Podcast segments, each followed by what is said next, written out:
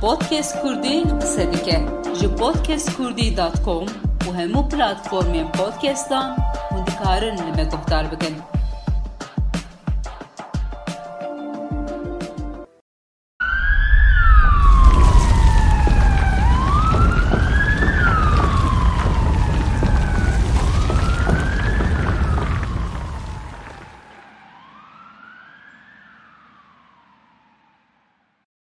Adıyaman'da bir şey yokmuş diyor. Bizim haberimiz yok diyor Adıyaman'da diyor. Biz They say nothing has happened in Adıyaman. No news from Adıyaman. Here we are catching the AFAD team and taking them to the rubble. At least 1000 buildings have collapsed in yok. Adıyaman. Where is our government? What is the state? The citizens are hungry and miserable here. The dead are under the rubble. There has been no electricity or water for three days. We live in this country for. God's sake. Why doesn't the government declare a state of emergency for the citizens? People are looting the stores. People are attacking each other now. Nothing is left. No lives, no property security. Our lives are under the rubble. What should we care about? This is Yunus Emre neighborhood. At least 30 buildings have collapsed in Yunus Emre neighborhood.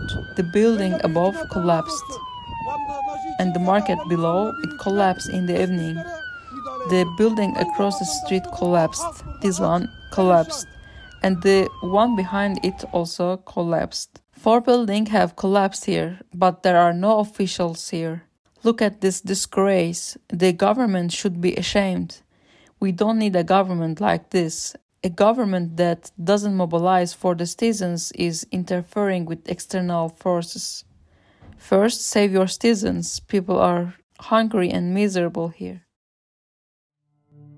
On the 6th of February 2023, an earthquake with a magnitude of 7.7 occurred in the Pazarcık district of Kahramanmaraş at 4:17 in the morning, followed by another earthquake with a magnitude of 7.6 at 1:24 in the afternoon on the same day. The earthquakes have also affected areas beyond the Turkish border. In northern and western Syria, 8,476 people died and many more injured. There were more than 10,000 aftershocks in the following three weeks. Officials declared that 50,783 people have died, and according to the data of the Turkish Statistical Institute, 14,013,196 people were affected in Kahramanmaraş, Gaziantep, Şanlıurfa, Diyarbakır, Adana, Adıyaman, Osmaniye, Hatay, Kilis, Malatya, and Elazığ. This number constitutes almost 16% of Turkey's population. Hello, I am Rozerin. Hi, my name is Mert. Welcome to Podcast Kurdi. In this podcast series, we are gonna look at the 11 cities that are affected by earthquakes in southeast Turkey. In this first episode, we are gonna be talking about Adıyaman. Rozerin, where were you during the earthquake? What did you do in the following days?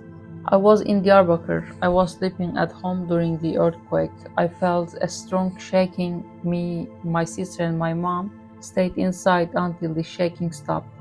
Then we left home, spent two, two days outside in the car. I followed the news on the Twitter, and when I look at the news, I realize how big the earthquake was.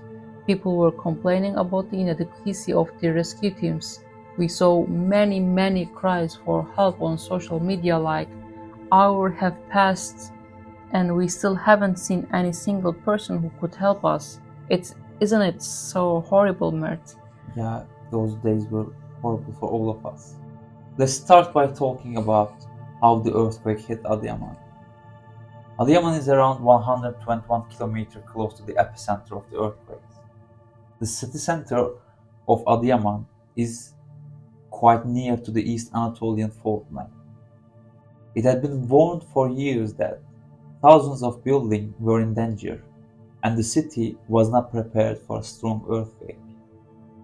Actually, our colleague Mehmet Salih Bedirhan went to Adıyaman right after he heard of the incident.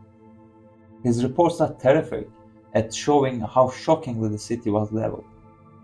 He reported that the most destruction occurred in Yunus Emre Mahallesi, Mara Mahallesi, Yeni Mahalle, and the town center. The earthquake also destroyed the city's sewage, water, natural gas, and electricity networks. There was a lack of serious coordination, and as far as he could see, all search and rescue operations were concentrated on Atatürk Boulevard. Particularly, one story he reported has a permanent place in my mind. He said that the local people seek help from him for their relatives under the rubble whenever they see his camera and equipment. People naturally seek help from whoever they think could call a rescue team. It clearly shows that, even after three days, rescue operations were insufficient for helping out everyone in the city. Rozerin, do you remember any story that you saw in the news or heard from your friends? Actually, I want to share another tragic story that Salih told us. A young man in his 30s with a face full of wounds catch their attention. Salih and his friends approached him and asked, Did you just come out of the rubble? The young man, whose name is Behcet, replied like, We live on the top floor. I was able to get out by myself on the first day of the earthquake. I saw that I was born again. Uh, it sounds horrible, isn't it? Too too heartbreaking. Yes, it's unimaginable. The bad weather conditions and destroyed roads by the earthquake slowed down the helps reaching the city, and unfortunately, these increased the death toll.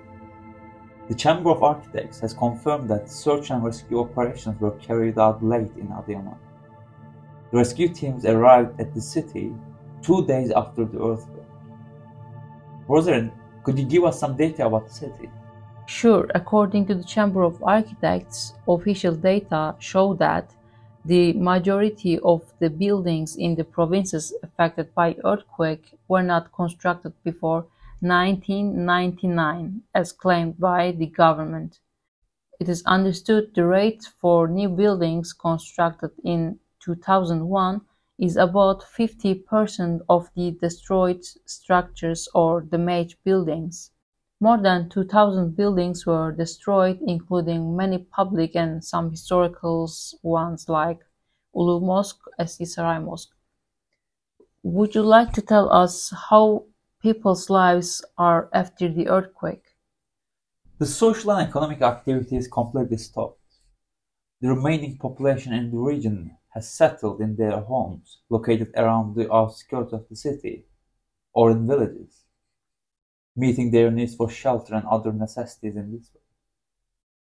Another terrible incident that occurred was the flooding of the earthquake zone. Two people lost their lives due to the tents being washed away in Adıyaman.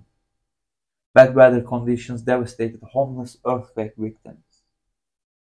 The magnitude of the earthquake, weather conditions, and the government's failure to provide necessary aid in a timely manner deepened their loss. On the other hand, there was great solidarity among citizens. Also, many foreign search and rescue teams came to the region. International aid organizations have been continuing their humanitarian aid efforts in the earthquake zones since the first day. Charity and volunteer campaigns were held in the whole country the governments maybe too quickly started to rebuild the city. The tender for the construction of 614 houses, infrastructure and landscaping works in Örenli neighborhood, central district of Adıyaman, was held by TOKİ on February 28, 2023. According to the Anadolu Agency's new story, the rough construction of the project is almost completed. Around four months have passed since the earthquake, and its traces are still very visible in Adıyaman. We cannot say that the city has fully recovered and will be in any time soon. Podcast qise dike ji podcastkurdî.com û hemû platformên podcastan hûn dikarin li me guhdar bikin.